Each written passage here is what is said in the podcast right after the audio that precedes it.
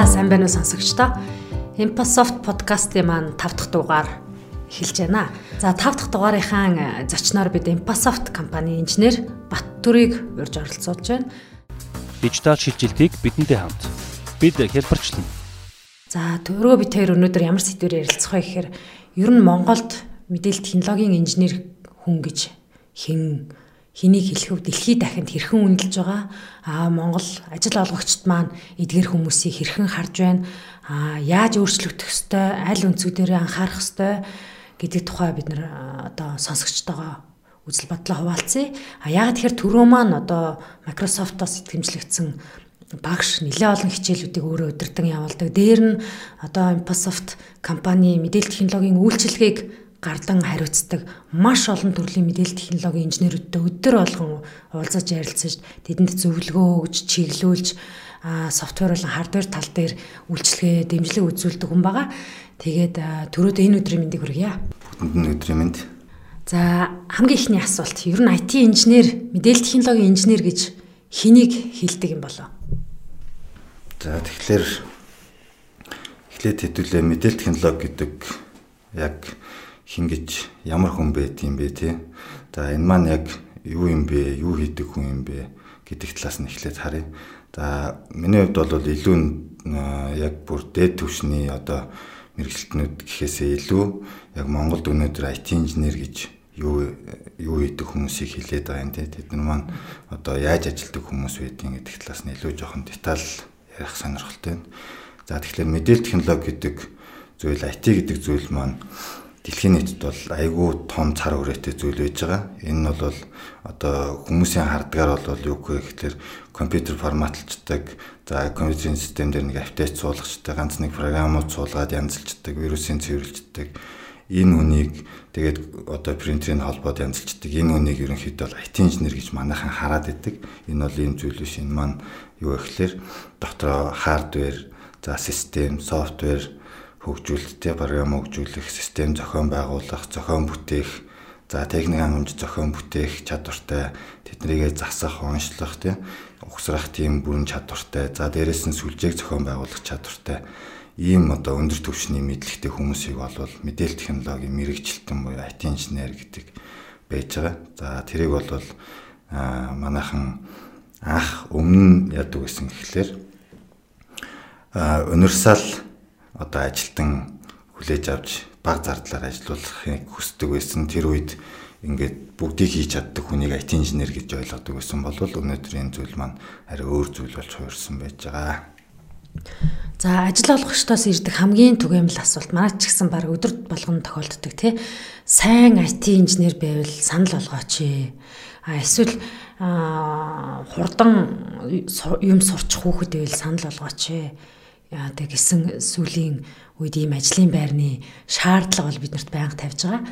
За эргээд энэ өнцгөөс нь харахаар өнөөгийн мэдээлэл технологийн инженер маань маш хурдцтай юмыг сурах шаардлагатай. Ур чадвараа өөрөө одоо санаачлахаараа маш хурдан хугацаанд дээшлүүлэх тийм шаардлага гараад байна л да. Энэ талаар төрөө багш юу гэж бодож байна? За тэгэхээр байгууллага ажил олгогчийн зүгээс ч тэр ажилд орох байгаа хүмүүсийн зүгээс ч тэр нэлээд тийм өрөөсгөл ойлголтууд байдаг. Энэ маань юу гэхээр ажил олгогч нар маань ихэнхдээ мэдээлэл технологи гэдэг зүйлийг айгу баг сууртайгаар мэдчихэдэг. За тэрийг ерөнхийгөр нь ойлгож явдаг. Нэг компьютер янзлцдаг. Нэг ажилтны компьютер болохоо болохоор тухайн үед нь янзлал болцдог тэр хүмүүсийг IT инженер гэж ойлгодог. За тэгээд тэгж ойлгодог хэрнээ а яг ажилд авах шаардлаган дээр болохоор одоо найз нөхдөсөө сонсдог юм уу эсвэл танил талаараа ингээд судалдаг юм уу бусад одоо байгууллагууд дээр тавьсан зарнуудыг хардаг ч юм уу эдрээсээ ингээ харж агаад ажил олгогчийн тавигдах шаардлаган дээр асар их зүйлийг бичдэг тийм. Одоо IT инженер ажилд авна чадвар нь болохоор програм хөгжүүлдэг байх хэвээр веб зохиодог байх хэвээр сүлжээ мэддэг байх хэвээр хардвер мэддэг байх хэвээр эднэр дотроо ийм ийм нарийн бэвэл давуу тал болно гэх мэтлэн юм асар олон зүйлийг хийд одоо шаардсан байдаг. За энэ маань бол мэдээлэл технологийн ажилтан гэдэг хүнд бүгднийг багтаагаад ингэж явах бол боломжгүй зүйл байж байгаа тийм. За яг хөө мэдээж одоо зөвхөн хэрэглэгчийн төвсөнд үйлчлэгээ үзүүлдэг хэрэглэгчийн компьютер дээр байгаа аюулгүй байдлыг одоо гарч байгаа эрсдлүүдийг өмнө нь ингээд нөгөө шийдвэрлээд за явж байгаа тийм хүмүүст бол мэдээж IT инженер гэдэг үг бол зохин тийм. За энэ бол олон улсад ямар нэршилтэй өгөхлөөр илүү одоо десктоп саппорт буюу эцсийн хэрэглэгчийн компьютеруудыг одоо засварлах тийм үйлчилгээ үзүүлэгч юм мэрэгжил байж байгаа. За тэгээд байгууллага дотроо тийм одоо шаардлагуудаа илүү тодорхой тавьж өгч ивэл яг зөв хүнээ олж авахд илүү тустай гэж үзэж байгаа. За ажил орох байгаа хүмүүс маань яах вэ гэхлээр өнөөдөр мэдээлэл технологи асар хурдцтай хөгжиж байна. Тэгэхээр ажил ажилд орж байгаа хүмүүс маань илүү одоо тухайн байгууллагатай өөрийгөө хандлах талаасаа зөв таниулж явах хэрэгтэй. Тэгээ мэдээлэл технологи хөгжихийн хэрээр хувь хүний хандлага аягүй чухал. Ягаад гэхлээр тухайн байгууллагын одоо хэдэн жил оршин тогтносноос хамаарах бүх одоо датанууд мэдээлэл технологийн ажилтнтай хамааралтай байдаг. Тэгэхээр тэр хүний хандлага маш чухал байдаг. Тэгэхээр тухайн байгууллагын мэдээллийн аюулгүй байдал гэдэг зүйл бол тухайн байгууллагын IT нартай нэгт холбоотой юм зүйл байж байгаа гэсэн үг. Тэгэхээр IT инженерүүд манд тэр тал дээр аюулгүй хандлага зөв барьж зөв танилцуулж зөв ёс суртахуунтай байх хэрэгтэй. За дээрэс нь маш хурдан хөгжих чадвартай байх хэрэгтэй. Ягаад гэвэл технологи өнөөдөр бид нар компьютер форматлаад ингээд явдаг байсан бол магадгүй маргааш өглөөс ирэхэд бид нар компьютер форматлах ямар ч шаардлагагүй болчихсон байна. Тэгэхээр та энэ ажил дээр ингээд одоо ажилгүйчүүдийн игнэнд орох магадлал маш өндөр байгаа. Тийм учраас маргааш юу болох вэ? Ирээдүйн тренд ямар байгаа вэ? Би яг л чиглэлүүн явуул надад аюу аз жаргалтайгаар цаашаа үргэлжлүүлэх боломжтой. Тэ ажлаа зугаатай хийх боломж байна гэдгийг эртнээс судлаад тэр чиглэлдээ өөрийгөө хөгжүүлэх хэрэгтэй. За байгууллагаас ч юм уу ингээд тодорхой хэмжээний зардал гаргах хэрэгтэй.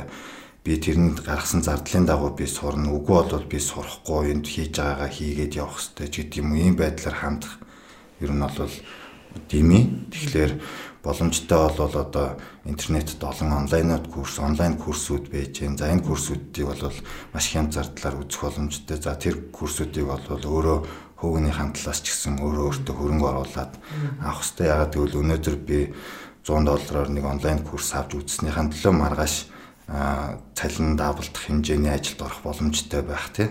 Гэх мэтлэн ийм сайн зүйлүүд байж байгаа учраас өөрсдийгөө илүү одоо өөрсдөө хөгжүүлээд явал бас их зүгээр байгаа. Бас нэг тодруулах одоо төрөгчөөс асуумаар байгаа нэг зүйл бол за одоо мэдээлэл технологийн чиглэлээр сурж байгаа оюутнууд ерөөсө дийлэнх нь 2 3 дугаар курсээс эхлээд ажлын байртаа олчиж байна. Аа тэндээс одоо сайн оюутан сургаад дадлагжуулаад авъя гэсэн одоо одоо захиалга гэдэг юм уу те тэр аль хэдийн дүүрсэн энэ эрэлт хэрэгцээ бол маш их болсон байгаа. Аа тэгээ энэ үнэхээр энэ байгаа энэ эрэлт хэрэгцээг хэдүүлээ бас манад мэрэгжилтэн олон төртөл оюутан залуучууд хүүхдүүд энэ салбар руу одоо олноороо орохыг одоо хүлээхгүйгээр одоо өөрийнхөө компани дотроо байгаа хуучин ажиллаж байгаа хүмүүсээ те дараагийн талбар руу хөгжүүлэн гаргах боломж юу байд юм бол тоо. За энэ бас маш чухал зүйл байж байгаа. Энэ маань юу гэхээр ажил олгогч нарын хамгийн том одоо зардал гэвэл хүний нөөц байдаг. За хүний нөөцийн зардал бол маш өндөр хэмжээнд тооцогддог. Яагаад тэгэхээр 5 жил ажилласан, 2 3 жил тухайн байгууллагад ажилласан хүн маань байгууллага дотроо болж байгаа бүх процессүүдийг мэдчихэдэг, хаана ямар асуудал гарч байгаа гэдгийг маш богино хугацаанд одоо мэддэг юм хүмүүс байдаг. За тэгээд тэр хүмүүс маань цаашаагаа хөгжиж чадаагүйгээс болж байгууллагын мэдээлэл технологи тэнд гацах тохиолдлууд байдаг. Тийм учраас тэрийг бол байгууллага одоо хуу ажилд орж ажилтан хоёр маань хоорондоо ингээд ярилцаад дараагийн төвшөнд гарах талаараа илүү ойлголттойгоор ингээд хоорондоо зөвшөлдсөн байдлаар дараагийн түвшинд харуул илүү хурдан одоо байгуулах хөгжих боломжтой байж. Аа тэгэхээр байгууллага маань ажил олгогч нарын маань харж байгаа өнцөг маань юу гэхээр за өнөөдөр энэ ажилтан маань ингээд 3 жил ажиллажлаа. За энэ ажилтан маань энэс цааш үнэхээр хөгжихгүй байна тийм гэдэг үүднээсээ тухайн ажилтнаас ажилтнаа болиулаад шин төгсөж байгаа хандлага сайтай юм хүмүүсийг авъя илүү хурдан явах магадaltaй гэдэг үүднээсээ ингээд хуучин ажилтнаа халаа шинэ хүн авах тохиолдлууд зөндөө байдаг. За гэтэл шинэ хүн авж байгаа маань өөрөө маш их зардал болдог. Нөгөө хуучин ажилтны 3 4 жилийн туршлага тэгээ байгууллага дотроо байгаа бүх одоо өнцөг болон бүрт байж байгаа тэр мэдээллүүдийг тэр эвдрэл гэмтлүүдийг яаж застгийг сурж авахын тулд шинэ ажилд орсон хүн маань дор хаяж 3-аас 6 сар зарцуулах тийм тохиолдлууд байдаг. За эхлээд тэгэнгүүт тэр дотор байгаа зүйлүүдээ судалж сурж ингэж явсаар байтал нөгөө хугацаанд нь хангалттай өөрчлөгдөх боломж байсан. Тэгтэл нөгөө хүн маань нөгөө юмнуудаа сурж эхлээд байгууллагатайгаа танилцаж явж итэл дараа нь нөгөө хөгжих гээд ирэнгүүт нөгөө хүнтэйгээ ижлэх юм баг гацаанд орох тохиолдлууд байдаг тийм. Аа тэгээд тодорхой хэмжээнд жоохон хөгжөөд ахаал нөгөө хүн ингээд нэг хайрцагт орж эхэлдэг байж байгаа. Тэгэхээр шин төвшөнд гарыг гэвэл хайрцагнда тулаад ирчихсэн байгаа ажилчтай сайн ярилцж байгаа. Тэр ажилтаа хайрцагнаас нь гаргаж дараагийн төвшөнд нь аваачсан тохиолдол байгууллага хямд зардлаар их дараагийн төвшөнд их хурдан гарах боломжтой байж байгаа. За хамгийн сүүлийн асуулт өнөөдөр манай одоо дотоодын компаниудад мэдээлэл технологийн ажилтны инженерийн үнэлэмж үнэлгээ цалингийн түвшин ер нь хээр байдаг бол энэ салбар руу орох гоод одоо суралцж байгаа залуус өнгөрсөн жил нэг олимпиад дээр биднээс бас яг энэ асуултыг асууж исэн. За Монголд яг мэдээлэл технологийн салбар а одоо өсч хөгжсөн гэвэл маш эртний бас нэлээд олон жилийн түүхтэй байж байгаа. Гэхдээ яг олон жил гэдэг маань технологийн хурдцтай явж байгаа үед бол бас хөгжөөд нэлээд удажлаа. Тэгтэл мэдээлэл технологийн инженерүүд маань одоо IT хүмүүс маань өөрсдөө энэ чиглэлд бас төдийлөн хурдцтай ингэж явж чадахгүй байна. Бүх нийтээрээ бол тий тодорхой хэсэг хүмүүс зүтгээд байдаг.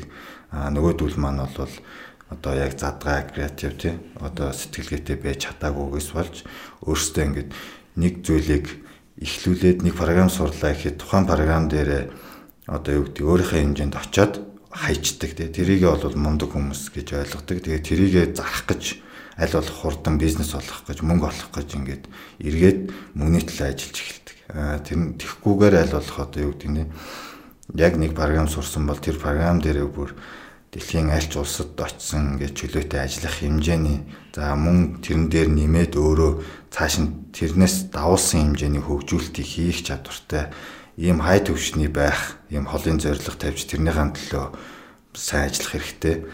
За тэг чадвал одоо тухайн хүмүүс маань илүү бас боломжтой хол явах байгаа гэж ойлгож байна. За түрүү агштай баярлаа. Ингээд Impulsoft подкастын маань 5 дахь дугаар өгөрөндрүүлж байна. Дараагийн дугаараараа бид бас нэг сонирхолтой оролцогчийг сонсогч та бүхэндээ уулзуулахаар одоо урайд байгаа. Ингээд та бүхэнд нь бүгдэнд нь амжилт хүсье. Бие бодорой энэ цаг үед та бүхэн амны халтаа сайзуунж гараа тогтмол угааж чанартай хоол хүнс идэж сайхан амар сэтгэл санаа тайван байцгаагаараа ингээл одоо аюул төвчний ард бүгдээрээ ард түмэн одоо ямар ч эрсдэлгүй гарах бүрэн боломжтой юм байгаа. Ингээд манай подкастыг сонссон эрхэм сонсогч та бүхэндээ баярлалаа.